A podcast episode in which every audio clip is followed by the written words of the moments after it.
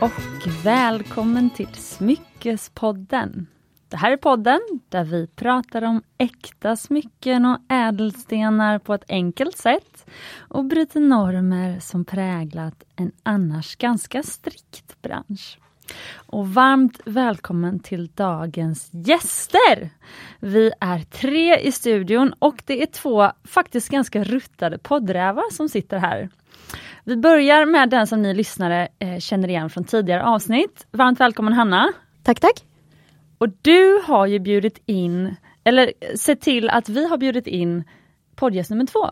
Ja, och vi pratade ju faktiskt om det i eh, Fördomspodden som släpptes för någon vecka sedan. Mm. Eh, att vi skulle bjuda in typ lyssnare. Men sen så ibland så kan man ju också bjuda in folk och sen börjar de lyssna. ja, precis. Så att jag vet liksom inte vad som är hönat och ägget här. Men jag lyssnar ju nämligen på Qs podd, eller Q heter ju Ketsala. Men eh, nu gör jag som hennes poddkollega Gabby gör och kallar henne Q, Ja. straight off the bat. Eh, för du har ju en podd som heter Sanning och konsekvens. Ja, precis. Eh, det är jag och Gabi eh, på, från 24 och Camilla Grevider då, som har bloggbevakning. Så vi har jag en podd eh, som handlar om influencers och svenska kändisar eh, och lite skvaller och ja men det är högt och lågt. Eh, ibland allvarliga ämnen eh, som Camilla tog upp den här liksom pro-Erna-trenden, alltså att den har kommit tillbaka, alltså sånt kan vi prata om och ibland pratar vi bara om roliga saker. så, så att det är både ja, högt och lågt. Ja. Jag är ju liksom lite svensk damtidning i själen, så jag älskar ju det. Mm. Och sen har det ju liksom framkommit i den här podden att du är ju en skata. Eh, Ja, det är, det är jag. Alltså 100% skata, en, en stolt skata. Men också en, en fattig skata. Ja men det är vi alla i dessa tider.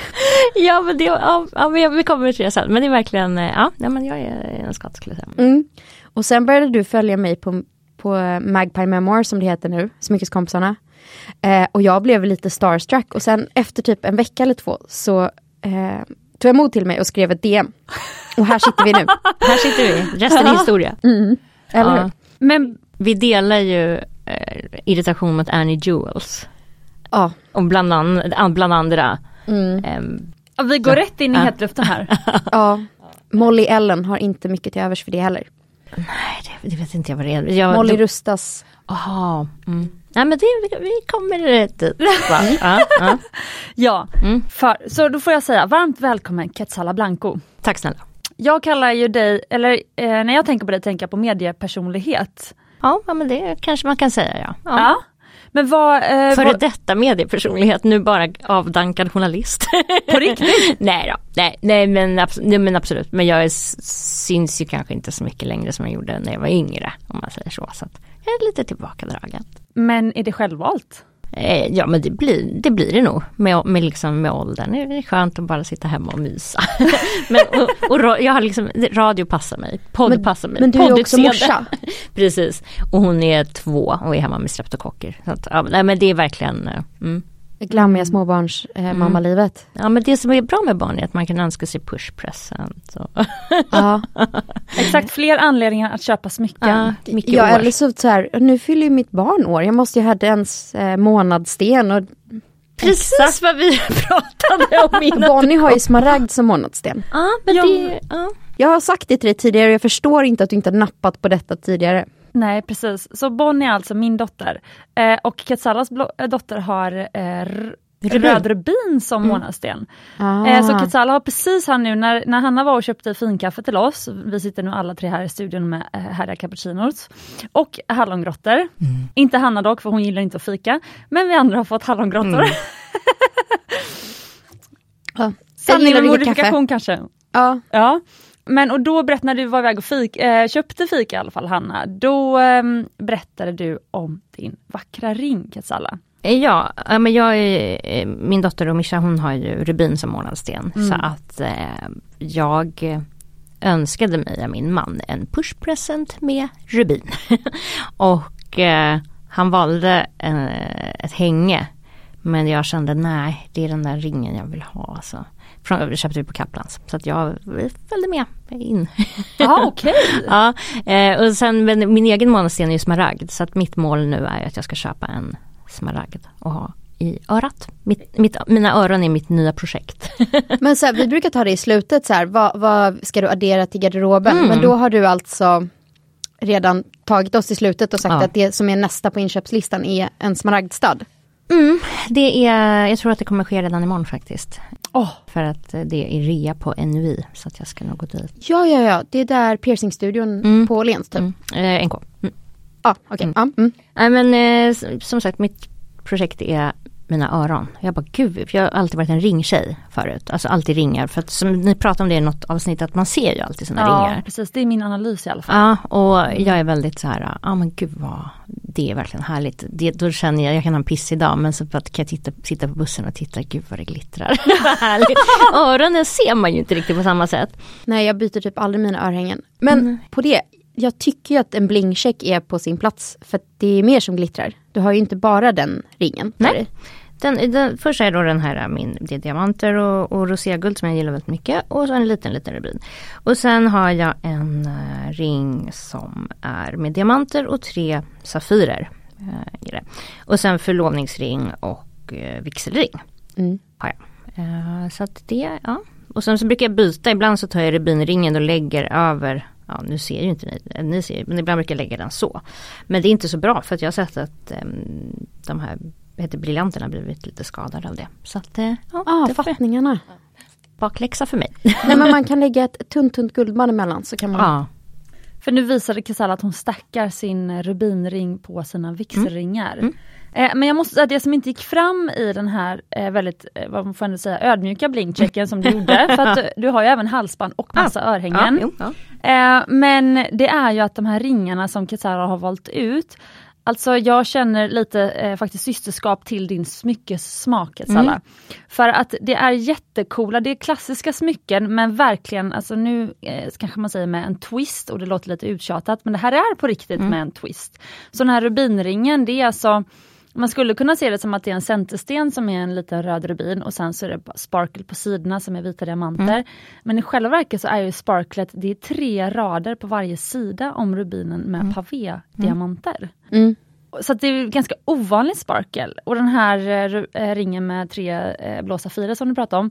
Det är en ring som på håll ser ut som, eller alltså nu sitter jag en meter framför här, eh, mittemot. Eh, på håll ser det ut som tre ringar.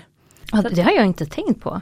Nej, men det, ser ut som ett band med safirer och två eternity bands. Ja. Ja, med vita diamanter som över och under. Ja, Och det har inte så jag, jag tänkt på, vad ni är smarta. Safirerna som är mörkblå sitter east-west fattade, alltså så att de är liksom ligger eh, tvärsfingret. Så att du inte har dem vänt, så att de ligger, de är ovala och den korta liksom, diametern är platt. Ja, East-west setting. Vi får lägga Ja, upp en bild. Ja, precis. Exakt. Vad jag lär mig. Men sen så är dina förlovningsringar är ju relativt eh, klassiska får man ändå kalla det. Mm, ja men det, jag har ganska så klassisk smak tror Mm. jag. Eh, och här, eh, förlovningsringen valde ju min man och jag tycker att han gjorde helt rätt. För att det verkligen, den var den är väldigt, väldigt enkel, det är bara liksom en tunn eh, Filma lite här Och sen passa på. är det en, ja, jag kanske borde ha målat naglarna. Nej, det är, nu är det precis som en lyssnare. Ja. Nej men eh, och sen så, vad heter den, eh, vigselringen valde vi tillsammans. Och så den valde jag på guldsmed. Hur säger man? Ja, och som guldsmed. Ja precis. Och då tänkte jag lite om jag skulle köra en hel allians eller halv. Men jag tänkte att nej men halv. Då kunde jag ha lite större diamanter också annars. det var Det är bra med stora diamanter. bredare. Ja, nej men så att jag, ja, jag tycker att det matchar varandra ganska liksom s- bra.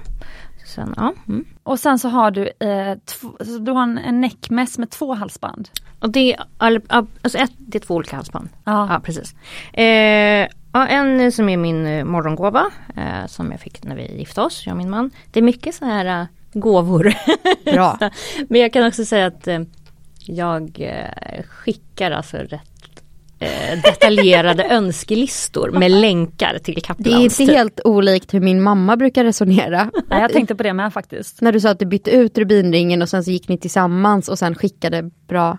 Mamma tipsar att när man, barnen blir äldre så kan man implantera i dem vad man vill ha. Så att de tar med pappan. Ja, nej men lite så. Jag, liksom, jag brukar också skicka liksom fem, sex olika länkar med lite olika pris så att man inte ska känna sig tvingad. att liksom, beroende på. Mm. Det brukar jag göra eh, inför födelsedagar till min man. men, eh, ja, det är en, eh, en pärla och eh, så är det lite diamanter där uppe. Alltså jag måste säga, det låter som att du har lyssnat på Smyckespodden för att du har, du har ju massa olika typer av ädelstenar. Du har både rubiner, safirer och olika. Och sen så har du till och med pärla. Men pärlan har du då faktiskt i ett halsband, så du har inte pärla i till exempel en ring. Aldrig skulle jag aldrig ha. Nej, jättesmart. Varför Mm. då? Nej för att jag är väldigt eh, o, eh, oförsiktig.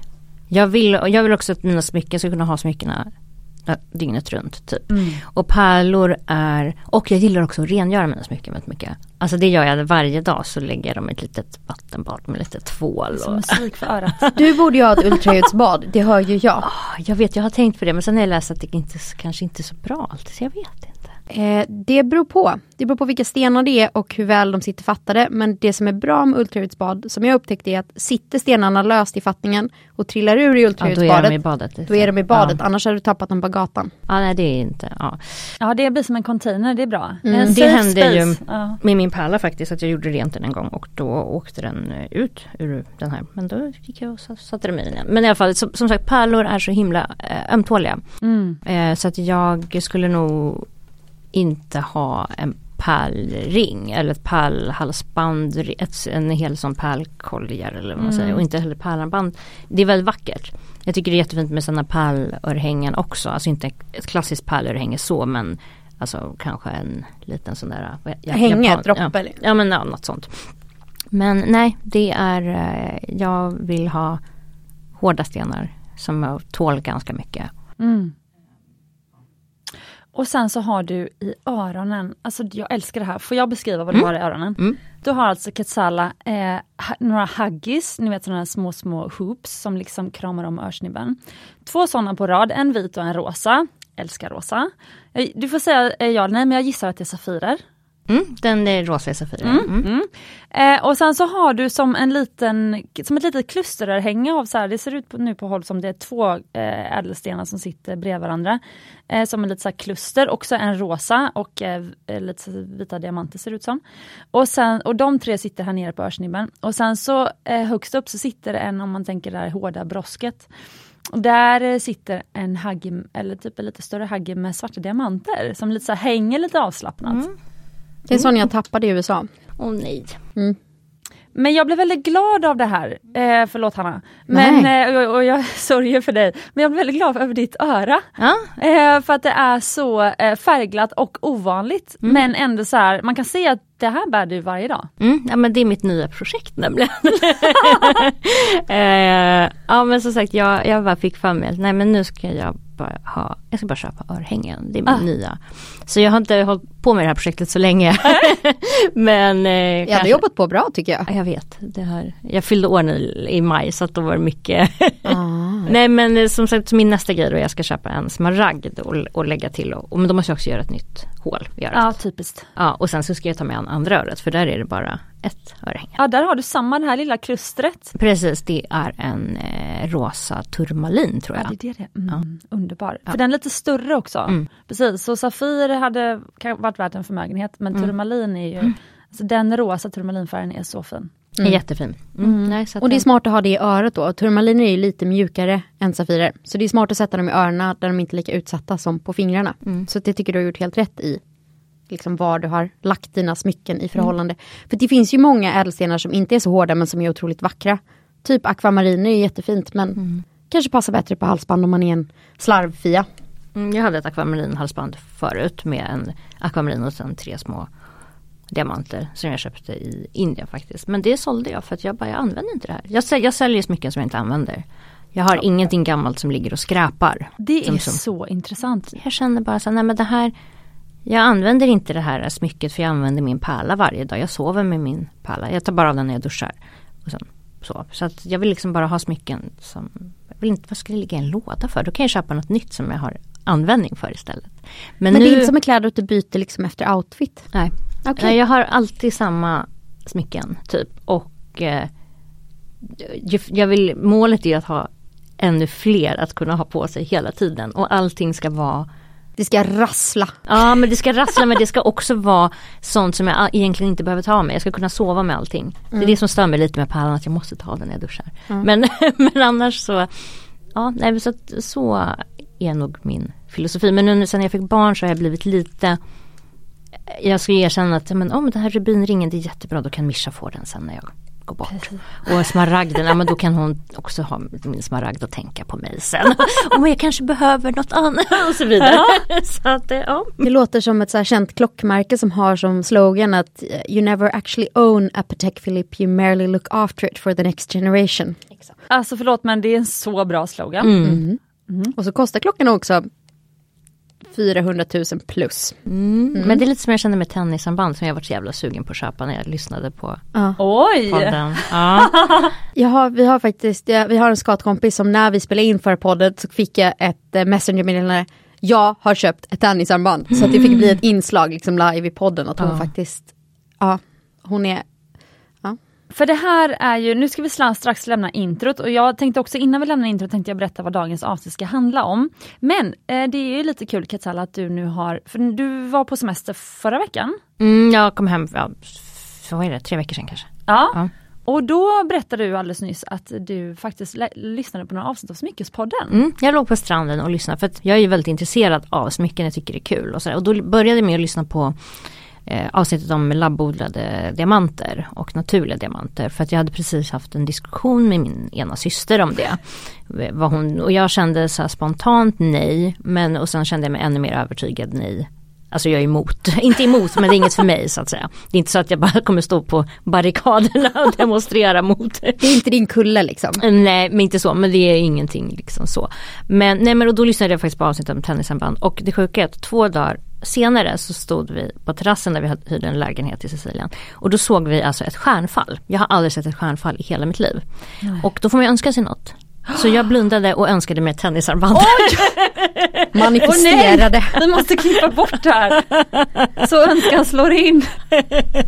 Men, men jag tror att stjärnfall får man nog säga, det är ju Ja, födelsedagstårtor. fint, Så. får rysningar. Ja, och, sen, wow. och sen så var det blodmåne som vi såg och sen såg vi Jupiter tror jag. Alltså det var helt sjukt, så astroresan. Typ. Jag är inte en sån astroperson men eh, ja.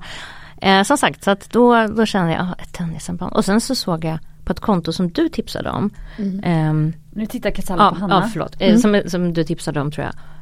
Uh, du la upp tror jag med något så här franskt uh, guldarmband med massa stjärndiamanter. Ja, eh, Mm. Chelsea girl. Ja, så då gick jag in och kollade på hennes Insta och då hade hon lagt upp stela tennisarmband. Och jag bara, nej men vad gud vad snyggt. Så att nu, vill, nu vill jag ha ett stelt tennisarmband. Men så egentligen en bangle. Eh, Vilket egentligen är bra, för de är mer hållbara. För du riskerar inte mig. att länkarna kan gå sönder. Passar mig. Så- Gud vad kul! Ja, det här var ju väldigt kul att hitta en smyckeskompis här i eten eh, och som nu dessutom sitter här framför oss. Jag ska bara säga att det avsnittet som Katsala nämnde om labbodlade diamanter, det släpptes ju redan i oktober 2021, så ganska precis två år sedan. Och var avsnitt 41, vad är bäst naturliga eller labbodlade diamanter? Så där kan man lyssna på ett, jag tror ändå ganska neutralt avsnitt. Mm, ja men man, det, det tycker jag att det var. ja, så kan man sen ge, göra sig själv en uppfattning om vad man tycker är bäst. Så. Ja, Jag tror vi var mindre neutrala när vi diskuterade Nothing Lasts Forever, eh, diamantdokumentären. Mm, det var ju våras, precis. Det har inte jag lyssnat på, det måste jag. Ja, det är så här pladderavsnitt. Mhm. Ja. men det tycker jag är Ja, Och då har vi med eh, Elena som är gemolog Mm. också. Som eh, har jobbat på GIA i New York och som lärare. Så hon är, hon, det hon inte kan om diamanter, det behöver man liksom inte veta. Gud vad, ja. Men hon är färgstensgata egentligen, så personligen så är hon ju väldigt färgstark. Mm. eh, okej.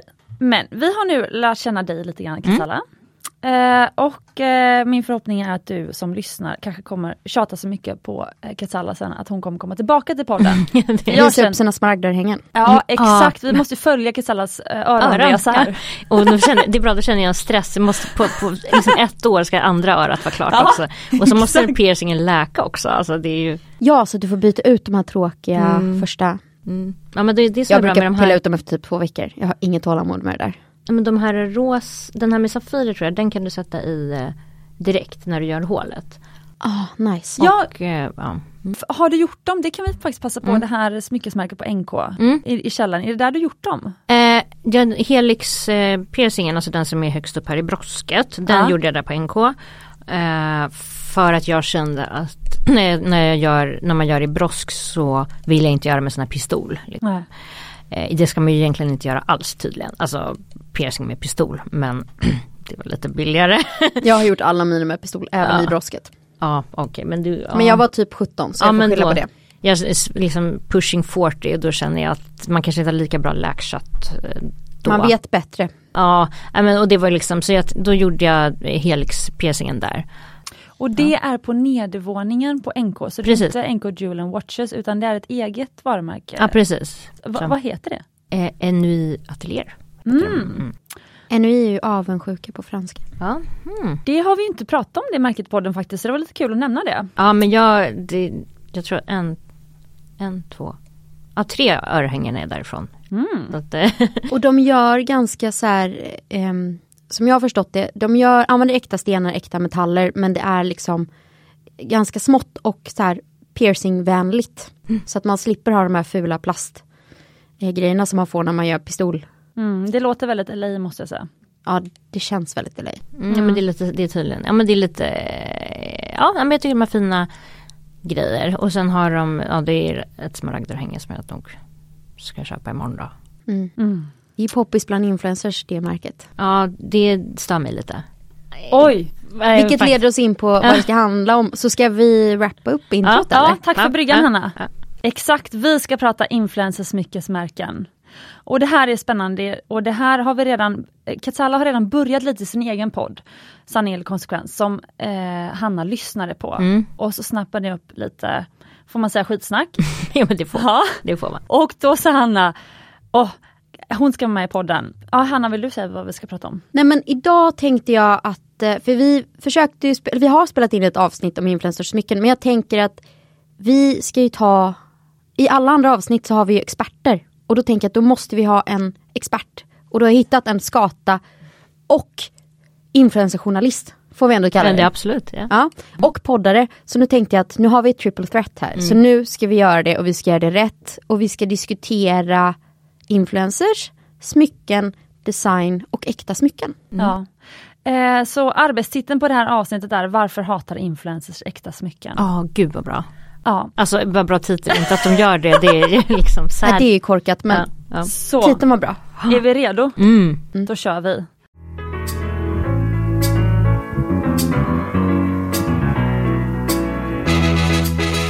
Tror det var du Katella som hade shoppat på Annie Jewels. Men sen Mm. rättade du mig väldigt snabbt så sa du nej men min poddkollega Camilla gjorde det i researchsyfte. Ja, verkligen så här, ingen ska tro att jag har shoppat. Ja. Ska vi ge lite bakgrund? Annie Jewels är Bianca Ingrossos och hennes parhäst Lovisa Borges smyckesmärke. Mm. De gör bijouterier, prisklassen 600 till 2000 spänn, ish. Det är pläterat, det är någon form av nondescript, vita stenar, Det var gröna där stenar. cubic eller vad fan det heter, det är mycket sånt tror jag. Ja, jag, jag, Cubic zirconia. Cubic ja. zirconia är ändå en, en, ett riktigt diamantsubstitut och ganska så här, lite dyrare så jag är inte ens säker på att det är så. Jo nästan alla är eh, syntetiska också.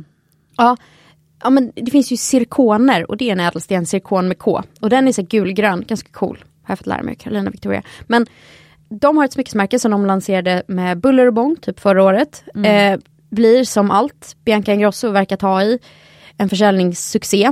Och de släpper nya kollektioner ungefär lika ofta som vi andra byter trosor höll jag på att säga, men byter lakan i alla fall. Och det är alltid, alla kollektioner är det bästa de har skapat. Och det är så exklusivt och det är så fint och det är Kinakrafs.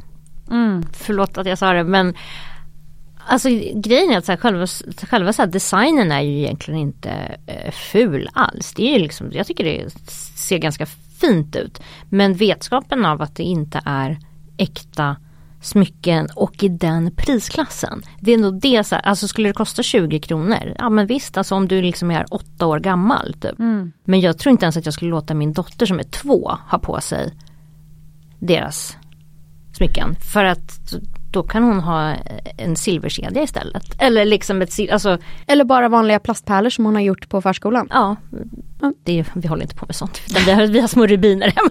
Jag skojar. Självklart, men hon får ju palla med rubiner och liksom rosenkvarts. Men, nej men alltså det är någonting som eh, skaver med det tycker jag. Att det är så otroligt höga priser och för samma pris kan du få äkta smycken, alltså begagnade. Vi Vad pratar... är priserna? Men de tar ju, säg för ett typ ett örhänge med en liten diamantbokstavshänge. Kostar var 670 spänn, 650 ja. spänn. Mm. Och går man in på typ Kaplans eller på valfri pantbank så kan du hitta små liksom, äkta guldhängen för 400 spänn upp. Med, också med, med riktiga diamanter, sen är det ju inte några liksom, megastenar. Men alltså... Nej, men det är fortfarande äkta smycken som du kan bära varje dag som kommer hålla. Och, um, din poddkollega Camilla, eh, mer känd som bloggbevakning. Mm. Mm. Hon köpte en ring i research-syfte. Mm. Den var ju, det var ju, hon köpte nog fler smycken tror jag, men jag tror det var framförallt en ring. Och den tappade ju färg och det lossnade stenar och det, alltså det var verkligen bara en, en katastrof. Jag kommer inte ens ihåg vad de kostade, 900 spänn säkert. Ja. Och Ja, nej men det, jag tycker det är så konstigt när det går att hitta. Jag tycker synd om folk som köper de här smyckena i present till någon. Säg att du kanske har en dotter eller en flickvän eller en pojkvän eller något som önskar sig ett smycke. Och så köper man det för liksom ja, men ett och två eller något. Då kan du köpa ett äkta för samma pris. Det är nog det som stör mig ja, så fruktansvärt mycket. Att det går att hitta. Och att de har så himla stort medialt utrymme att folk tror att det är detta som är fina smycken. Och man vet inte bättre. Så då tar man det som en given sanning. Och jag menar det stärker inte vårt case om att alla förtjänar äkta smycken och ska investera i det. För att man köper någonting och så håller det inte. Man bara varför ska jag lägga pengar på det här? Jag kan lika gärna unna mig en blombukett för den håller längre. Mm. För är det någon skillnad mot de här till exempel Naked-kollektionerna? Naked är ju ett varumärke som verkar leva på att göra eh, samarbete med influencers. Ja men det är så fast fashion. Ja exakt. Mm. Jag tänker att är det inte samma sak med dem då? Att man ändå vet att man betalar en premium för att det var en viss influencer som frontade det och sen så efter några tvättar så kanske de har twistat sig i sömmarna eller någonting. Ja, alltså så, så är det ju kanske. Och det, jag kan det måste ju vara den enda anledningen till att man vill köpa det här för att då kanske identifiera sig med någon influencer då kanske, men jag vet inte. Men jag funderar på om modebranschen har kommit mycket längre, att vi är så mycket med, alltså mode får ju så mycket mer, det finns ju massa modemagasin, det finns typ inga smyckesmagasin på det sättet. De får liksom en sida längst bak bland accessoarerna. Och jag funderar på om det är så att vi som konsument så vet man vad fast fashion innebär men just äkta smyckesbranschen har varit så stängd så länge så att man vet liksom, den är så mystisk att man vet inte så man vet bara om det här. Medan man vet absolut skillnaden på eh, kanske fast fashion, H&M, Big Book, det finns massa varumärken.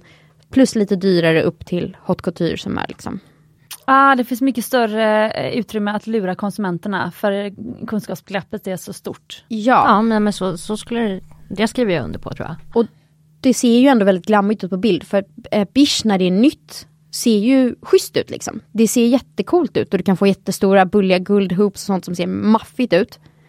Och på bild en gång i början, det ser bra ut. Du, du har inte det här problemet med typ passform och grejer som du har med kläder. Utan det ser jättesnyggt ut när det är nytt. Det är bara att det håller sig inte alls.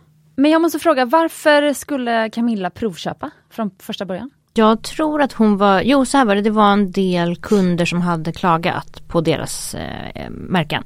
På TikTok så var det någon eh, tjej som skrev att hennes eh, smycken hade rostat och blivit gröna och gått sönder och jämförde med dollar står och så vidare. Och hon hade hört av sig tror jag till kundtjänst. Och, alltså de, de, eh, man bör ju säga i alla fall att de flesta då som har problem med smyckena får hjälp på kundtjänst. Då får de ju nya eller så. Så det är inte Jaha. sådär att, det är inte sådär att eh, varumärket i sig är liksom, vad ska jag säga, oschyssta. Alltså om man säger Nej, så, det, det, det kan mm. inte, utan att har folk av sig till kundtjänst så har folk fått hjälp då. Men jag tror inte att Camilla har orkat höra av sig till kundtjänst. Men jag tror det blev gnäll i podden istället.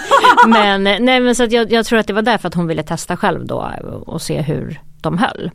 Eh, så att ja, och hon var väl inte jättenöjd. Nej. Men i början var hon väl ganska positiv när hon mm. precis fick det. Hon tyckte det var snyggt och så här. Men sen så gick det ju ett tag och då mm. återkom hon och då blev det ju liksom gnället. Ja precis. Mm. Men om vi pratar frontfiguren, för hon eh, har gjort fler varumärken. Alltså jag tänker på Bianca Ingrosso har gjort ett sminkmärke som verkar ju gå hur bra som helst. Men det är också bra produkter, Ja, vad jag jag har förstått. Ja, okej. För Jag har jag inte tänkte testat det. Jag, jag gillar inte eller jag gillar inte influencermärken. Alltså, jag skulle inte ha ett influencer Jag skulle inte köpa influencerkläder eller influencersmink eller någonting. Men av de som jag har, jag har vänner som har testat, det lät som att det var heroin. Jag har vänner som har testat Kaja Cosmetics och eh, de är jättenöjda och de säger att det är jättebra produkter som eh, om ni har provat typ Kylie Jenners smink så är det, alltså går att jäm, likställa med det. Så att Kaja Cosmetics är i alla fall vad jag har förstått väldigt bra produkter. Eh, bra smink och så. så Mm. att, eh, då, För- då tycker jag att man kan ta hutlösa priser om det är bra. För det har ju varit min fördom nämligen, Mm. att, eh, eh, apropå fördomspodden förra veckan, men att eh, jag är ju tyvärr inte alls intresserad av smink. Eller jag är intresserad men det känns som att tåget gick för att i tonåren så, jag satt aldrig och sminkade mig och nu känns, när jag är 34 känner jag mig lite för gammal för att sitta och sminka mig på fritiden.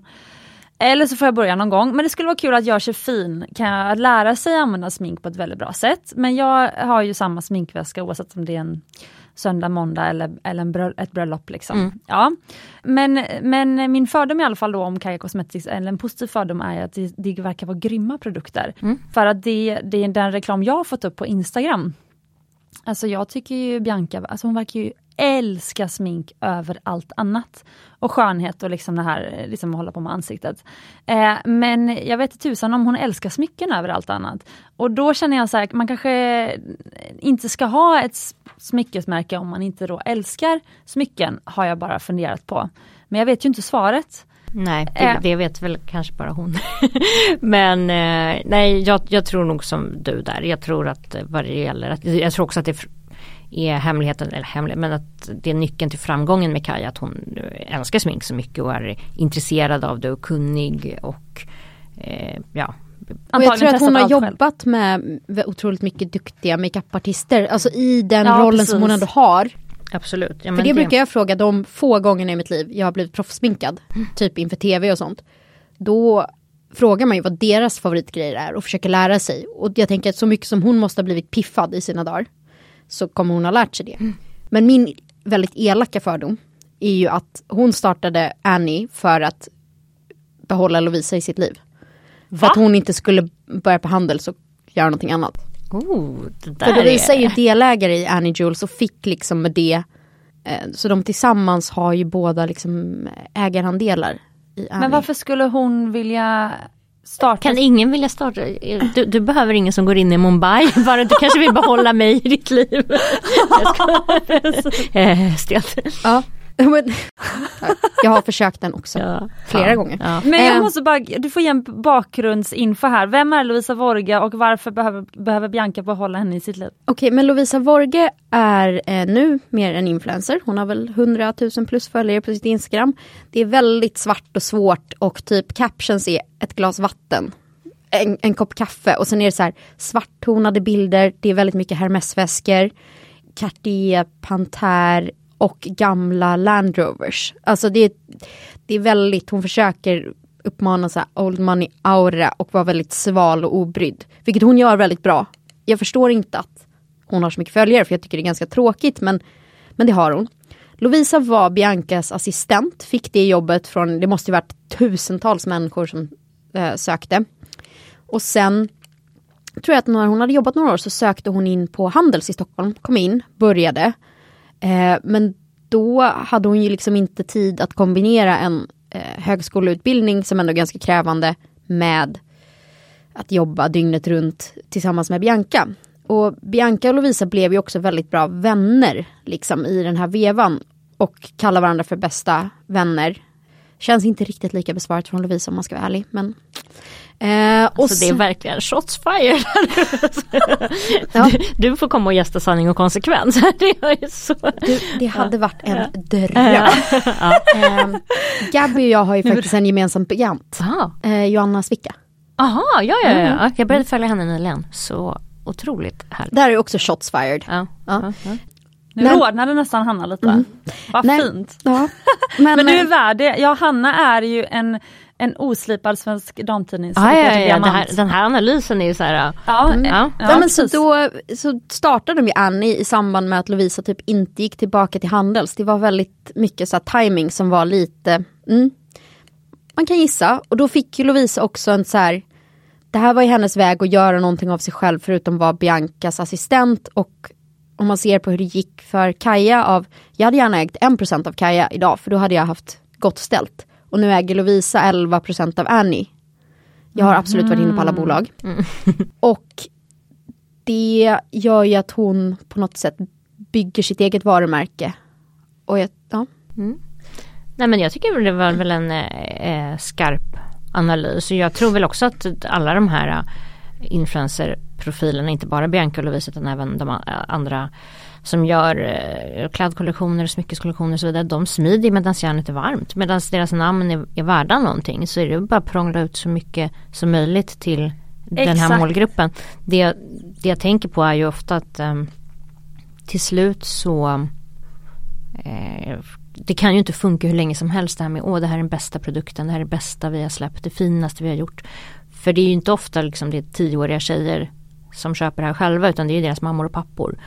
Eh, hur mycket liksom, hur mycket kan man få ut om ni hänger med hur jag tänker. Någonstans så tror jag att Ja, de det finns ett stopp liksom.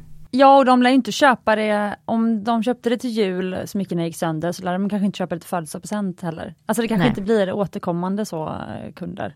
Eh, men jag måste ändå säga det här med mm, det du berättar om Lovisa Mm. eh, Hanna. Eh, Alltså det jag hör när jag hör den här storyn är ju samtidigt att Bianca verkligen lyfter människorna runt omkring henne som, eh, som hon tycker har gjort något bra, som liksom är, de har jobbat hårt, de är liksom värda att eh, få en egen roll. Så på ett sätt kan jag tycka att så här, wow, alltså vad, vad hon har liksom lyft en, då, en assistent till en väldigt, väldigt hög position. Ja men det, och det, det tror jag att eh, Bianca är känd för, alltså att eh, lyfta folk runt omkring kring henne att, och se till att de liksom också får bra, ja, bra karriärer. Och så, så att det, det tror jag. Men jag menar så gör ju du också. Om man tänker, nu tittar jag på Cecilia, så, så typ Fanny började väl inte som produktionschef. Hon började med liksom eh, allmän admin och fixa liksom. Och sen när hon blommade upp och blev duktig så är hon ju nu liksom bosslady på väg att bli gemolog. Sourcar stenar, sköter. Och samma med Helena. Ja, Sen- alltså det är ju den finaste komplimang man kan få och det, alltså det är ju så det är och jag älskar ju, eller alltså det är så det är, men eh, det är ju det jag, jag vill ju väldigt gärna att de, alltså mina medarbetare också får blomstra. Alltså det är ju det finaste man kan få se någon annan göra liksom.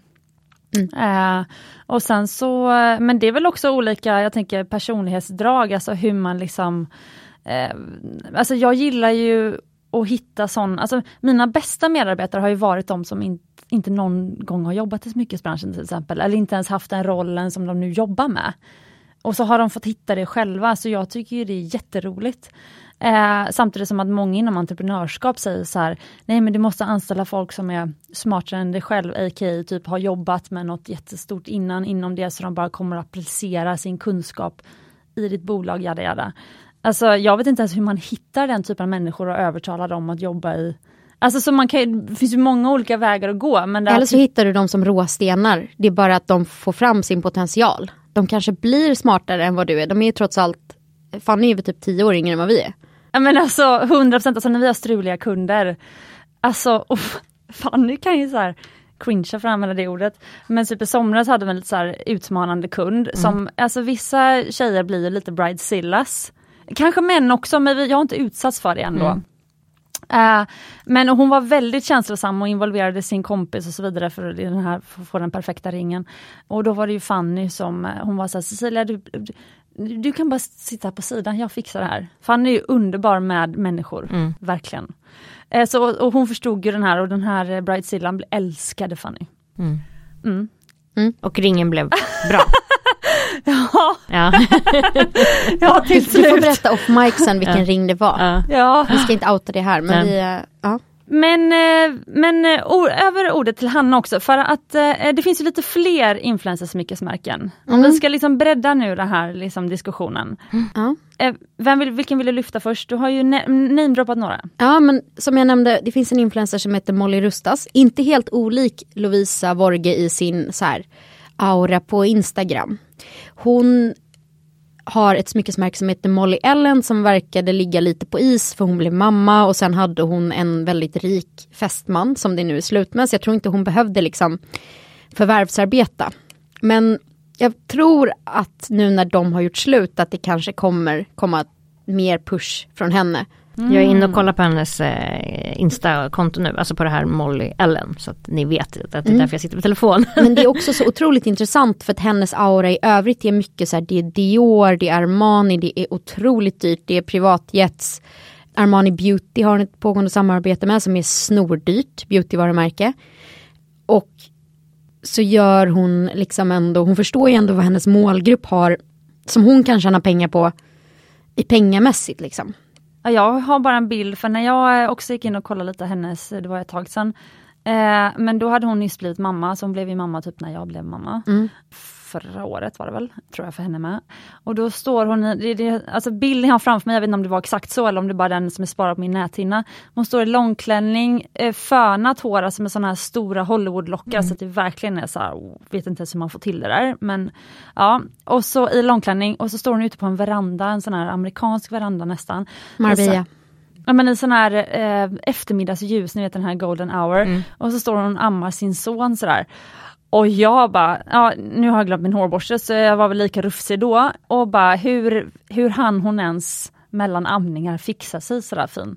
Alltså hon är en sån här väsen som jag inte förstår, eller som jag bara blir såhär. En mytologisk varelse. Ja, Men hon Ja, har ju en ouppnåelig eh, livsstil men det är inte, alltså hon det är inte bara att hon eh, liksom känns rik eller är rik utan det är också att hela hon liksom, ja, men det är som du säger, det är alltid nyfönat hår, hela hon är liksom så att säga perfekt. Ja. Ehm, och eh, alltså jag, jag tycker, jag gillar hennes bilder, jag tycker hon känns ju mer genuin än många andra influencers. Men Hon är eh, väldigt duktig på, alltså man märker att hon har ett väldigt estetiskt öga. ja. hon är, näst, hon är en Ja. konstnär nästan på det Ja. viset. Men sen eh, att hon gör de här smyckena eh, är ju en gåta för mig. För det ser ju bedrövligt ut. Det rimmar så illa med hela hennes ouppnåeliga övriga väsen. Det hade Ja. varit så mycket mer on-brand om hon... Tänk att hon hade lanserat typ ja, men, en kollektion med bara tunna alliansringar med diamanter. Jag tror det funkar skitbra. Eh, för v- vem av er vill beskriva hur smyckena ser ut? Ja. Vart ska vi börja? Alltså jag, ja, alltså grejen är att det, det har verkligen Det roliga är att de här influencermärkena, smyckena ser ju, de är ju aldrig originella i sin design. Det är ganska klassiska modeller. Typ det är tennisarmband, det är bulliga kreoler, alltså det är smycken vi har sett förut. Men som de gör då tillgängliga i en bish-version. Alltså den här fjärilen ser ut som en så fjortis. Vad är det här? Vad är det här? Ja, nej. Ah. Eh, och sen, och sen ska en del smycken då ska ju vara upplagda så att det med liksom någon lyxig sko. Och Men är det guldpläterat eller Ja. vad är det för material? Okej. Guldpläterat plastpärlor. Oj oj oj. Okej, för då har jag en fråga till dig Katsala. Mm. Du som är journalist och har varit influencer, eller du är väl influencer? Nej det ska jag Nähä, inte säga men okej. eh, ja men ja. Mm. Jaha, men du eh, är ju i alla fall, eh, har ju väldigt bra koll på medievärlden. Får Ja men jag det, så, så, då? så, kan man säga. Mm. Ja. Mm. Då undrar jag, vem är målgruppen för eh, alltså influencers, om man tänker de här Instagram-influencersarna och TikTok-influencersarna? Som är de här 30-åriga tjejerna, vem är målgruppen för dem? Alltså det är ju alltså, 12, 13, 14-åriga tjejer uppåt. Kanske, jag kan inte tänka mig att det är någon som är liksom över 18 som tycker att de här tjejerna är coola. Liksom, eller Ah, okej. så här. Ja men, ja, kanske, kanske att Molly Rustas är lite, det beror också på om de har barn eller inte faktiskt. Min, I min analys. Alltså sen Molly Rustas fick barn så tror jag att hon har kanske fått lite en ny målgrupp med lite, kanske kvinnor som har barn också som är intresserade av det. Men äh, annars så skulle jag väl säga att det är ganska så unga personer. Och det är väl kanske också därför som det är fejksmycken. Eller vad ska man säga, plastsmycken eller så. Ja för då relaterar jag till min systerdotter fyllde ni, åtta år nu och hon önskade sig något som hette LOLs-docka. Mm. Och det är ju typ Barbie Mm. med så här coola outfits. Och jag är ju sån här ja, OPK men alltså jag älskar ju Barbie outfits Mm. liksom. Jag tycker det är askul. Så köpte jag den LOL-dockan som har snyggast outfit. Men eh, det är ju verkligen eh, ja, ögonfransar och, och rosa ögonskugga och Mm. allting på de här. Eh, men jag bara kände så här, hon, och hon är ändå en så här cool tjej liksom. Eh, men hon kanske då om fyra år kommer då vilja ha en liksom då fake alliansring. Åh, från, alltså när hon blir 12 så kanske hon är den, alltså jag funderar på om det är de som efter att man har haft Barbie-docka och LOL-docka, då börjar man följa de här lite så här riktiga Barbie-dockorna. Mm, jo men det kan jag nog tänka. Alltså, vad tänker du Hanna med just med målgruppen? Alltså, jag, det är väl, jag, jag kanske är helt ute och cyklar men jag tänker väl däromkring mellan, mellan 12 och 17. Ja, kanske. Och sen så tror jag ändå att det är rätt många som är så här växt upp med dem och börjat följa dem så att man följer dem även när man börjar bli lite 20, lite någonting. Så man börjar tjäna lite egna pengar också. Så här stilmedvetna fashion-tjejer, du vet de här coola 23-åringarna som nu rockar 90-talsmodet på ett sätt som man aldrig lyckades med själv. Ja, funderar på. Men jag tror att målgruppen är ung. Alltså Biancas målgrupp är nog hela världen för hon har ju så två miljoner följare så att det måste ju vara fler än 17-åringarna. Men ehm, ja just Molly Rustason, det finns ju ett helt koppel av dem, inte alla gör så mycket kollektioner. Men det finns ju en influencer till, eh, Janni Deler som var gift med Jon Olsson. Hon har ju faktiskt gjort ett samarbete med det här Mooley Collection som också verkar vara eh, smycken i bish men också lite mer så här rostfritt stål ibland så att de är lite mer, lite Edblad-viben. Och hon släpper kollektioner typ som alla släpper kollektioner med Naked. Alltså, det är väldigt många sådana också. Och jag ja, förstår inte. Allt ser ju likadant ut. Det är, Ja. ju, det är ju det också. Det är ju ingen som släpper någonting som ser annorlunda ut. Men jag, men jag vet att jag är, jag är också en sån otroligt stark motståndare till det som du kallar för bish, bijouterier. tror jag. Jag tror att du skulle träffa Jenny Fredriksson för jag tänker att det finns ju bra bijouterier. Alltså typ det finns ju otroligt coola bijouterier gjorda av duktiga designers som kanske bara använder material som vi inte förknippar med äkta smycken. Alltså, Ja men det är nog det att jag, jag svalde hårt i skräck. ja, Nej men jag vet inte men jag, jag, jag har aldrig gillat det. Eh, Men eh, ja. Mm. Men finns det någon, så att säga kändis då, om vi nu kallas influencer men tidigare kallas det väl bara kändis. Eh, något kändisvarumärke som ni tycker om? Men jag tycker ju att, eh, inte smycken, men jag gillar ju Totem. Elin Kling var ju faktiskt OG-influencer. Mm. Och hon var ju verkligen intresserad av kläder. Alltså hon var ju stylist från början tror jag. Och hon skapade det här märket med sin man, Totem. Som, men det är ju fina kläder, De- är ju dyra. Liksom. Så Totem, också en influencer-favorit. Ja men hon, de gör ju fina grejer. Det är inte riktigt min stil men det är fint. Alltså det är, det är snygga grejer. Jag skulle inte säga att tacka nej till en scarf eller en kappa. Men Nej. jag skulle kanske inte lägga 15 loppor på den. nej. Men eh, ja. Och varför gillar du hennes eh, varumärke? Nej men för hon, när hon stylade och gjorde eh, grejer. Eh, hon är också så här smal, snygg, lång, modellat tidigare. Hon modellade ju högkvalitativa grejer och det varumärket är ju liksom hennes stil. För det som skär sig så mycket med många influencers är att de har sina egna märken och sen så öser de på med Hermes-väskor, Cartier Love Bracelet som är jättedyrt, eh, dyra klockor, eh, Rolex och Cartier, för det är typ det det är som är verkligen super super lyx, high-end, fint hantverk, i alla fall när det gäller klockorna. Och sen så kombinerar de det med sitt krafts, det är liksom, de lever inte som de lär. Nej, och det är nog det också som stör en så mycket. Att, att en del av dem då modellar ju sina fake eller plastringar med, då har de ett Cartier Love Bracelet och eh, den här gräsliga eh, klockan. Panter. Äh, den är så ful så förlåt. Ja, eh, Du gillar inte den? nej jag hatar det. Ah, okej. Men jag är med en IWC-tjej. Ah. IWC, vi pratar inte du? Jag Jo. vill ha en IWC portugis. Mm. Mm. Eller en, eh, jag kan tänka mig en Explorer 2 Rolex också. Jag vill ha en. Air King. Ja, du får vi- Nu sitter två tjejer och Ja. tittar drömskt upp i himlen här. Förlåt. Men, nej, men det, det är nog det också som stör. Att de, att de eh, modeller ju de här liksom smyckena med exklusiva grejer också så att det ska andas. Ja, mycket ska- så här andra loggor i bild men lite subtilt. Typ Mm. det här Loewe, det spanska som är så jävla inne nu. Mm. Där man betalar typ 3000 spänn för ett vitt linne. Och så det är, i, det är bakgrundsfonden till de här billiga smyckena. Så att de använder otroligt dyra grejer för att sälja. Det är inte sälj grej med tjej, eller jo det är det också. Men det är sälj grej med dyra varumärken. Mm. Och sen är det också det, allting är bara det bästa som finns. De pratar aldrig om liksom hållbarheten. För det upplever jag att de bästa smycksmärkena jag tycker om, det är de som pratar om att så här, det här är en ring för dig som typ har ett kontorsjobb som inte gör så här. Har du inte det, ha den vid festliga tillfällen. Att man så här, man måste kunna bara, man måste kunna ha lite självkritik och lite självinsikt och ja, men typ som Annika pratar om pärlor.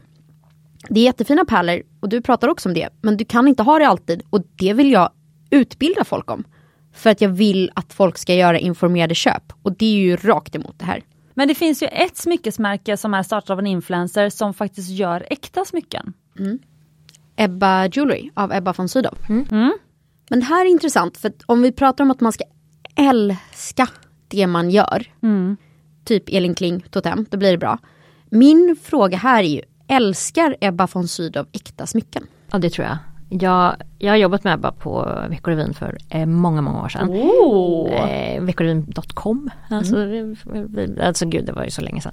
Men eh, och eh, Ebba har ju alltid varit en eh, kvinna som gillar äkta smycken bara. Mm. Men eh, och, och gillar smycken. Men jag tror att hon har väldigt klassisk smak. Lite som Marstrand-tjej med Ja, liksom- Örgryte, uppvuxen eh, Göteborgs överklass liksom. Ja men det kanske då är något, liksom något tennisarmband eller någon eh, Jag vet inte kanske en Bismarck-länk till Alltså något lite Jag vet inte lite klassisk stil eh, Inte kanske den mest Inte vågade avantgarde. Nej men jag var inne och kollade på hennes eh, smyckesmärke nu För vi mejlade lite om det här Mm. eh, Och kollade på Insta och det var ju liksom Jag tycker det var fina grejer så men det är ju ingenting jag skulle Köpa själv kanske Men det provocerar mig ju inte lika mycket som Molly Rustas märke liksom. Nej. Hur var Ebba som chef? Nej men eh, kreativ. Oj, okej! Ja, nej men ja. Ja, okej vi lämnar det där. Ehm, jag har ju fått ett DM. Nu ska jag plocka fram det. Har du fått Eh, ett DM? Ja, Oh. det handlar ju om, men du har läst innan Hanna. Ja. Det här är faktiskt från en av er lyssnare. Och hon, ja här, här var det. Ja, det har att göra med influencers men det här handlar också om vad influencers gör med redan befintliga varumärken. Och hon skriver så här. Hej Smyckespodden, jag är nyfiken på hur ni tycker och hur man historiskt sett sett på smycken och smyckesvarumärken i det att de förknippas med kända personer och specifika kundgrupper, åldersgrupper och så vidare. Jag blev lite fundersam och besviken när Elsa Billgren nu fått möjlighet att representera Lyngård. Visst, Lyngård liksom de flesta andra är ju inget föredöme när det gäller att visa sin verkliga kundgrupp. Som då lyssnaren skriver, kvinnor 45 plus med god ekonomi. Utåt i reklam och så vidare, men ändå. Lyngård får säkert mer en klick, men för mig är det definitivt att späda ut och banalisera varumärket. Hur mycket Gotlandsstämning och korta klänningar det än bjuds på tycker jag. Vad tycker ni? Tack för världens bästa podd, full med insikter och spännande frågor. Och smarta, unga och mogna kvinnor som får dela sina stora kunskaper. Vilka, vilka välartikulerade eh, lyssnare. Ja, men de är det, de är helt fantastiska. Alltså många av våra lyssnare kommer med så otroligt skarpa analyser. ja, det var jätteintressant. Ja, eh, jag tänkte lite på det där och jag tycker nog just ehm, ly, ly, hur uttalar ni Lyngård? Lyngård. Ja, Lyngård. Lyngård ja. Ja.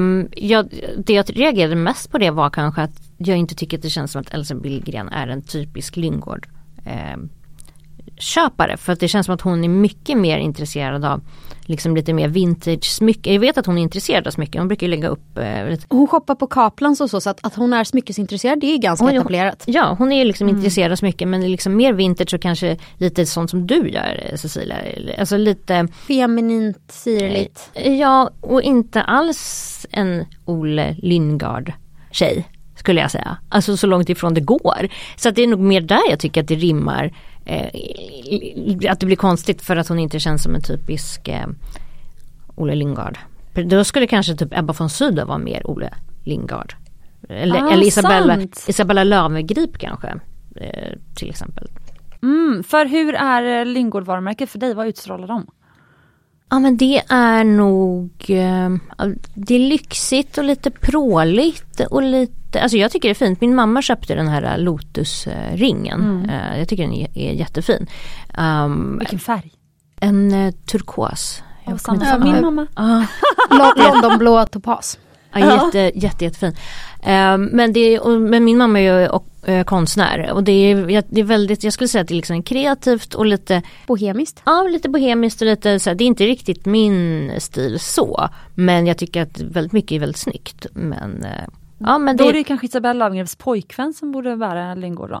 ja, Han men, är väl konstnären i det? ja, foto, han fotografen. Nej men Ja. jag, jag tycker att Isabella Löw- Löwengrip känns ju också som att hon Men hon känns ju mer Engelbert. Hon är lite för, hon är inte tillräckligt bohem. ja kanske inte men hon har lite ny stil nu tror jag. Så. Ja.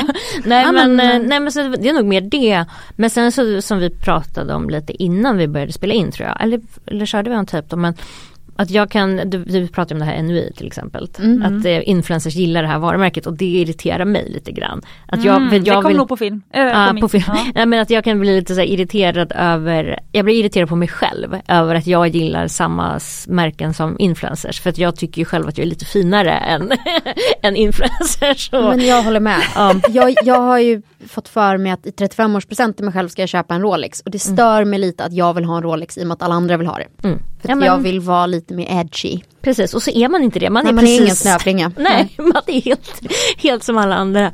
Så Eh, då funkar ju det här med influencers då? Ja, men min fundering på så här, money talks och Elsa Billgren har ju ändå, jag tänker att det finns inte så många influencers som eh, där vändiagrammet som är hennes följare och Olle Lingards målgrupp passar över. Det är ändå en liten överlapp. Men det finns typ ingenting annat att välja på för hon är uttalat smyckesintresserad. Det är trovärdigt för hon köper ändå eh, smycken i prisklassen Olle Lingard till sig själv. Ehm, och det var kanske as good as it got som har så många följare som ändå har ett så pass brett massmedialt appeal. jag skulle nog kanske, Sofia Wood tror jag skulle vara eh, nästan ännu Ja, Bättre. eller typ så här Klara Doktorov.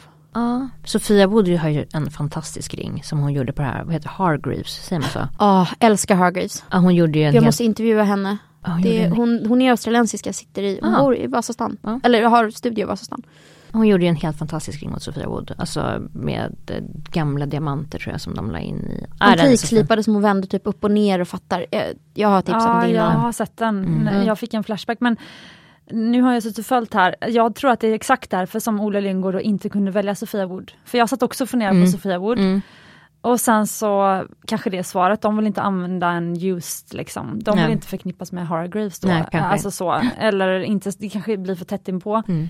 Eh, och samtidigt får de ju tillgång till exakt samma följarskara eftersom Elsa och Ja. Sofia har samma. Så. Och sen tror jag att, alltså för det kan jag ju själv utmanas, alltså jag som har ett smyckesmärke, det stämmer ju det som Hanna säger, i alla fall för oss. För att när vi ska välja vilka, nu gör ju vi nästan inga samarbeten, men det är klart man vill att liksom härliga personer som också är villiga att fronta sina dyra smycken ska bära en smycken. För vårt problem alltså i hela branschen är ju att så här, de bästa kunderna skulle aldrig gå ut med att de köpt en ny smycke. Eh, av massa olika anledningar, men det är liksom väldigt hemligt, det är inte som att gå ut med ett nytt klädesplagg eller så.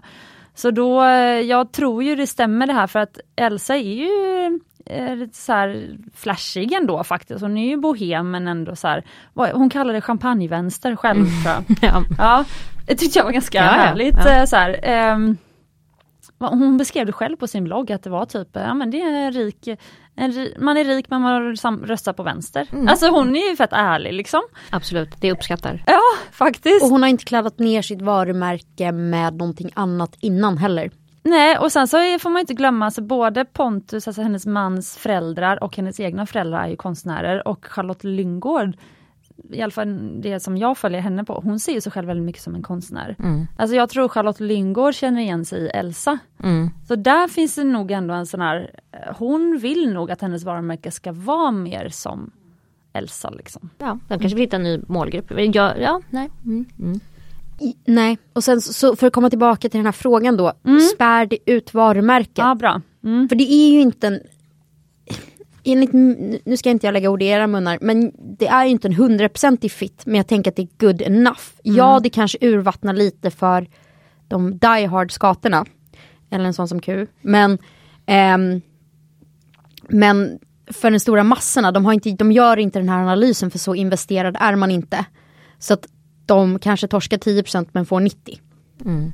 Och då kommer de ändå tjäna mer pengar på de 90 procenten. Men sen är inte heller, alltså jag, Elsa Billgren är ju inte en influencer som är så provokativ. Alltså jag kan inte tänka mig att det är någon som har suttit hemma och tänkt köpa en Olle Lindgard ring och sen ser Elsa Billgren och bara nej nu, nu blir det ingen ring. Nej, nej inte Elsa. Nej, nej, nej, nej, där går min gräns. Jag tror inte att det är någon som eh, tänker riktigt så. Det är, så tänker inte jag med mina smycken från här en ny ateljé. Det är inte så att jag bara, åh nej, inte den influensen. Nej, det blir inget köp. Alltså, det, Det skaver lite men du köper ändå. Ja, ja. Så, så att det, det, jag, jag tror inte att har man best, vill man i någonting snyggt så jag menar en, en ring består men en bild på Elsa Billgren den försvinner väl efter ett tag. Sant. Men kan det inte vara så att man blir besviken bara det att ens då favoritsmyckesmärke syns i den här typen av så här kommersiella mediala sammanhang? Att då är det ju inte så hemligt och exklusivt längre. Förstår ni vad jag menar? Ja men fast är Olle Lindgard så himla, det är väl inte så. Eller jag kanske bara jag som inte, jag känner inte att det är så himla. Men det kanske hem- är för att vi är smyckesintresserade. Ja jag, jag tänker då typ att den här, alltså Hargreaves är lite mer Ja det är mycket mer och- och- nisch liksom. Okej men jag ska ge ett exempel då. Casalla nu kommer jag vända mig till Hanna, Mm. får se om du vet vem det här är. Men Hanna, du har ju ett, ett smyckesmärke som, eller, som, som du imponeras av och gärna skulle äga själv. Och det är Guldappan. Ja. Guldappan är en smyckeskonstnär som du får kolla upp henne, Mm, mm. eller vet- vem Nej, det är? nej. Nej, då får du kolla upp henne Casalla. Och även ni lyssnare. Eh, som Annika Ekström. Ja precis, Annika har till och med varit med i ett avsnitt av podden faktiskt. Intervjuad av Louise. Eh, men i alla fall, om Guldapan Mm.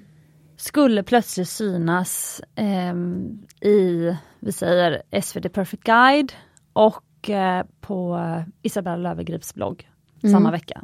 Skulle du fortfarande vilja ha ett Guldapan-smycke? Eh, ja, men eh, nu är det ju så här. Jag har ju träffat Annika och jag tycker att hon är en konstnär och en otroligt dålig businessperson. Så det kliar i mig varje gång jag ser hennes hemsida. För jag jobbar ju ibland med att göra folks hemsidor och grafiska profiler. Och man bara, det är som att du inte vill sälja. Det är som att du inte vill tjäna pengar på det här. Eh, för att hon tycker att det måste vara rätt person som ska förtjäna hennes mycket. Även om någon annan vill ha det. Och där tycker jag att det gått för långt. Så jag tycker att allt som Annika hade gjort som hade kommersialiserat hennes märke hade varit ett steg i rätt riktning. Alltså, Jag måste köpa genast. du, du, du har sålt in det till mig nu. Nej men alltså det är helt, hon gör alltså sådana konstverk och det är quirky. Jag älskar henne för hon gör mycket så djur och talismanliknande grejer. Vi har gjort ett avsnitt om talismaner. Och de är unika. Och hon använder ädelstenar på ett otroligt coolt sätt. Hon blandar metaller vilket jag älskar. Jag vet att det är en kontroversiell åsikt men Vad tänker du med blanda metaller? Alltså då guld och silver eller Ja. roséguld och vitt guld? Guld eller? och silver, aldrig vitt guld. Eller guld och grönt guld. Mm. Det finns such a thing. Olika toner av det men det är liksom det flyter på, hon använder mikromosaik och det är konjaksfärgade diamanter, blå safirer och rosa och i ett eklektisk mix som bara funkar. Okej men nu är du, för du, det jag bara hör då är att du är för kommersialism av eh, Guldapans eh, designs. Nej men jag är för att duktiga designers också ska bli bra businessmänniskor för de är ofta så dåliga designers vilket ger utrymme till kassa designers som är bättre businessmänniskor och sälja smycken. Bianca och Lovisa är bra på business och får sålt asmycket skit. Eh, Guldappan är en fantastisk designer, man kan tycka vad man vill om hennes stil men hon har ju egna tankar och en kreativ hjärna. Men är så kass på business att ingen någonsin får se det och det är synd. Okej. Men eh, jag tänker också att vi ska gå tillbaka till lyssnaren för det hon, jag, det jag tror att lyssnaren är lite besviken på och kanske vill att vi ska problematisera lite kring är Borde vi, vi som har smyckesmärken, Mm. borde vi visa mer vår riktiga kundgrupp Ja. i vår reklam? Ja det tyckte jag var snyggt på Ebba von Sydows eh, Instagram. Att hon eh, använde sin eh, mamma som modell mycket. Eh, alltså att man får se mamman i olika smycken och jag tycker det var liksom uppfriskande också att det inte bara är liksom en typ 20-åring som sitter med persik och hy. Ja, som sitter med utan att man ser hur ringar och örhängen ser ut på en, en hand som har liksom ett par år på nacken eller en örsnibb som inte liksom, jag vet inte, jag, jag tyckte i alla fall att det var, det var liksom uppfriskande. För hur hade era idealsmyckesmärken sett ut? Om ni skulle liksom se framför er ett nytt smyckesmärke som startades? Nej, men jag tror att snarare så det, det, måste finnas utrymme för olika saker. Men jag gillar ju folk som har egna tankar och som vågar vara personliga. Jag älskar, vi har pratat om henne i podden innan, Brent Neal, den här amerikanska designen med svampörhängena. Tycker jag jättemycket om. Jag älskar Guldapan. Sen gillar jag ju vintage. Alltså, jag har ju fastnat i det träsket ganska hårt. Där är vi heroinmissbruk alla grande. Och sen så, ja men Hargreaves, för det är också, det är något unikt jag inte har sett förut. Jag gillar folk som vågar pusha och göra någonting annorlunda. Det här är ett märke som jag älskar. Jag tänker inte ge mig på att uttala det. Nu vart tog det vägen? Det var ju, ja, nu visade jag. Det var inte, där. Balint Samad, men det var jag som har tipsat dig om. Är det det? Ja, det kanske det är. jag tror det. Det är ett av mina favoritmärken. Han älskar. är ju så otroligt duktig. Jag har gjort en intervju med honom. Ja, Den där älskar. ringen. Ja, nej men alltså det är, det är lite likt Hargreaves, det kanske man inte får säga. Men med de här uh, berlockerna. Ja. Ja, det, är så... så mycket med attityd i alla fall. Och sjukt. Den här, jag har visat en domring med stjärninfattade med champagne och vita diamanter och så. Ja, jag, nej, men jag vet precis. Ja. Mm. Det, det, här är egentligen inte min stil men det är väldigt fina grejer. Alltså det, ja. Mm. Mm. Ja. Intressant. Mm. Det är coolt att det är en kille som gör det också. För det tänker man inte när man ser det. Nej, det var lite feminin touch. Ja. Jag felkönade ju honom eh, när jag pratade om honom i podden först. För jag visste inte om Balint var ett kille eller tjejnamn. Mm. Mm. Det är inte så lätt. Nej. Okej, så ditt eh, eh drömsmyckesmärke är Balint Samman just nu då? Ja men det, det är också svårt för att eh, jag det är egentligen inte som sagt min stil. Jag gillar ju inte så här egentligen så bulliga smycken. Jag gillar inte så stora. Jag gillar lite mer kanske nätta och diskreta smycken så. Men jag tycker det är fantastiskt vackert att kolla på. Sen mm. vet jag inte om jag är eh, kunden riktigt. Mm. Nej, och framförallt inte nu när jag är inne på örhängen bara. Så ja. Mm. Ja, men han gör lite örhängen också. Ja, okay. mm. Men de är större dock. Jaha, ja, men det, det, ska, bara, det ska vara små, små, små, små ringar mm. och små, små studs. Och små, små. Jag mm. tittade på någon som hette heter hon? Irena Schmurra, tror jag hon hette. Hon gjorde små fina örhängen. Ja. Mm. Mm. Den måste jag kolla sen för den har jag faktiskt inte hört om. Så att, mm. eh, det, det kanske är typ Annie Jewels 2.0. Nej men jag ska se, jag ska visa, jag har ju, jag har ju skärm, jag är, när jag har tråkigt så går jag in på Kaplans och så bara eh, lägga in i min minneslista liksom 800, jag kan ligga i timmar och bara liksom titta och titta och titta. Eh, den här tyckte jag. Den här, det känns som här. att det sitter två hannor framför mig nu. Mm. Båda sitter helt försjunkna sina, på sina Instagram-profiler. Där, Irena Schmurra Jewelry. Mm. Följtips. Det var en grej som eh, Katsala du skrev i mail. Du skrev att det, något som du tycker är intressant är att när influencers väl köper äkta smycken så blir det ofta väldigt platt och skrikigt. Typ van Cleef armband eller love bracelets och när det gäller klockor de mest klassiska typ Panter. Mm. Ingen har en egen smak. Nej men det, och jag undrar eh, faktiskt i alla fall när det gäller svenska influencers känner jag mm. att det är så. Det är verkligen eh, Alltså hade jag haft så mycket pengar så hade jag förstår om man kanske inte har Alltså säg att du sparar till en klocka eh, Du ska köpa en klocka för 80 000 säger vi och du sparar och sparar och sparar Då förstår jag att man kanske inte köper den galnaste klockan för att så. Men har man så otroligt mycket pengar så förstår jag inte varför man inte tar ut svängarna mer. Mm. Alltså så. Eller förstår ni hur jag tänker? Då, då kanske man eller, ja, kanske bara ointresse eller att man bara köper det för att Jag funderar på Många av de smyckena som alla har, det är verkligen smycken som alla har. Om vi pratar Love Bracelet, de syns på håll. Jag tror att i Love Bracelet avsnittet så gjorde jag en spaning om att det här känns som en Love Bracelet person. Och så gick jag in och kollade och det var ett koppel av influencers som alla är bolare och alla har exakt samma mm. eh, wristmass. Min fundering är om de faktiskt inte egentligen gillar smycken men de gillar status och de här är igenkännbara symboler. Ungefär som en dyr handväska. Ja men det måste, det måste ju vara så nästan. För att eh, det här är liksom Quiet Luxury verkar inte de ha hört talas om. Om man säger så. Nej. Mm, nice ord. det, det har ju pratat så mycket om det. Ja. Jag förklarade för min man vad det var i förrgår. Vi gick förbi eh, på Källargatan och så var det stod det någon här jättevräkig SUV typ. Jag bara, "Ah, den där bilen andas ju inte Quiet Luxury direkt. Han bara, vad är det? Ja, men jag tänker Quiet Luxury för mig är så här Loro Piana, Pods. Mm. eh, det stuket. Mm. Kanske så här riktigt dyra diamantsmycken men som man inte liksom ser vad det är för märke. Det är bara if you know you know. Mm. But if you don't så har man ingen aning och då skulle det lika gärna kunna vara Bish liksom. Jag vill ju veta hur Katsala eh, förklarade för sin man vad Quiet Luxury var. Nej men jag sa så här, jag bara, "Men okej älskling du vet typ alltså Burberry-rutor ute, alltså eh, Chanel-loggor ute, Prada-loggor ute. Det ska vara liksom bara kashmir, eh, inga loggor, eh, bara hög kvalitet, eh, svinlyxigt, svindyrt men eh, det ska liksom inte vara pråligt och det ska inte eh, synas. Så Nej. Älskar. Men eh, säger jag och typ har med mig så Prada-hatt. jag, jag, jag gillar ju lite så här, när jag kommer till kläder så gillar jag liksom ändå, jag gillar Burberry-rutor och jag gillar Prada och men så. Cecilia och jag har ju båda tote bags med ganska tydliga monogram på. Ja, ja, ja, men precis. Jag, jag gillar det liksom. Men Så att eh, jag är för fattig för att vara quite luxury. Men jag tycker att, eh, och sen kanske för osäker också tror jag. Jag är nog för osäker. Men jag, jag tycker att få håll på det är fint på Men du andra. vet när man i Paris kan se en riktigt eller det finns ett favorit Instagramkonto är Ladies of Madison Avenue. Mm. Rika Upper East Side tantaluror. Som du vet blandar, de har någon gammal Birkin som har varit med sen Birkin var, Jane Birkin levde och frodades. Och så har de någon så här sval kashmirtröja men de blandar med coola grejer och det här är arvegods och det här är den här lilla juveleren man inte har hört om. Man bara, nu ser jag vad det där är och det är så dyrt. Men det är ingen som vet liksom. Men det här går ju inte ihop då för influencers känner jag bara. Det är klart att om de då har 40 eller 50 papp eller 90, beror på om de ska köpa ett nytt eller på auktion, eh, Love Bracelet till exempel. Eh, då, alltså de behöver ju likes. De har ju blivit influencers för att de har varit grymma på att lägga ut liksom like-raketer.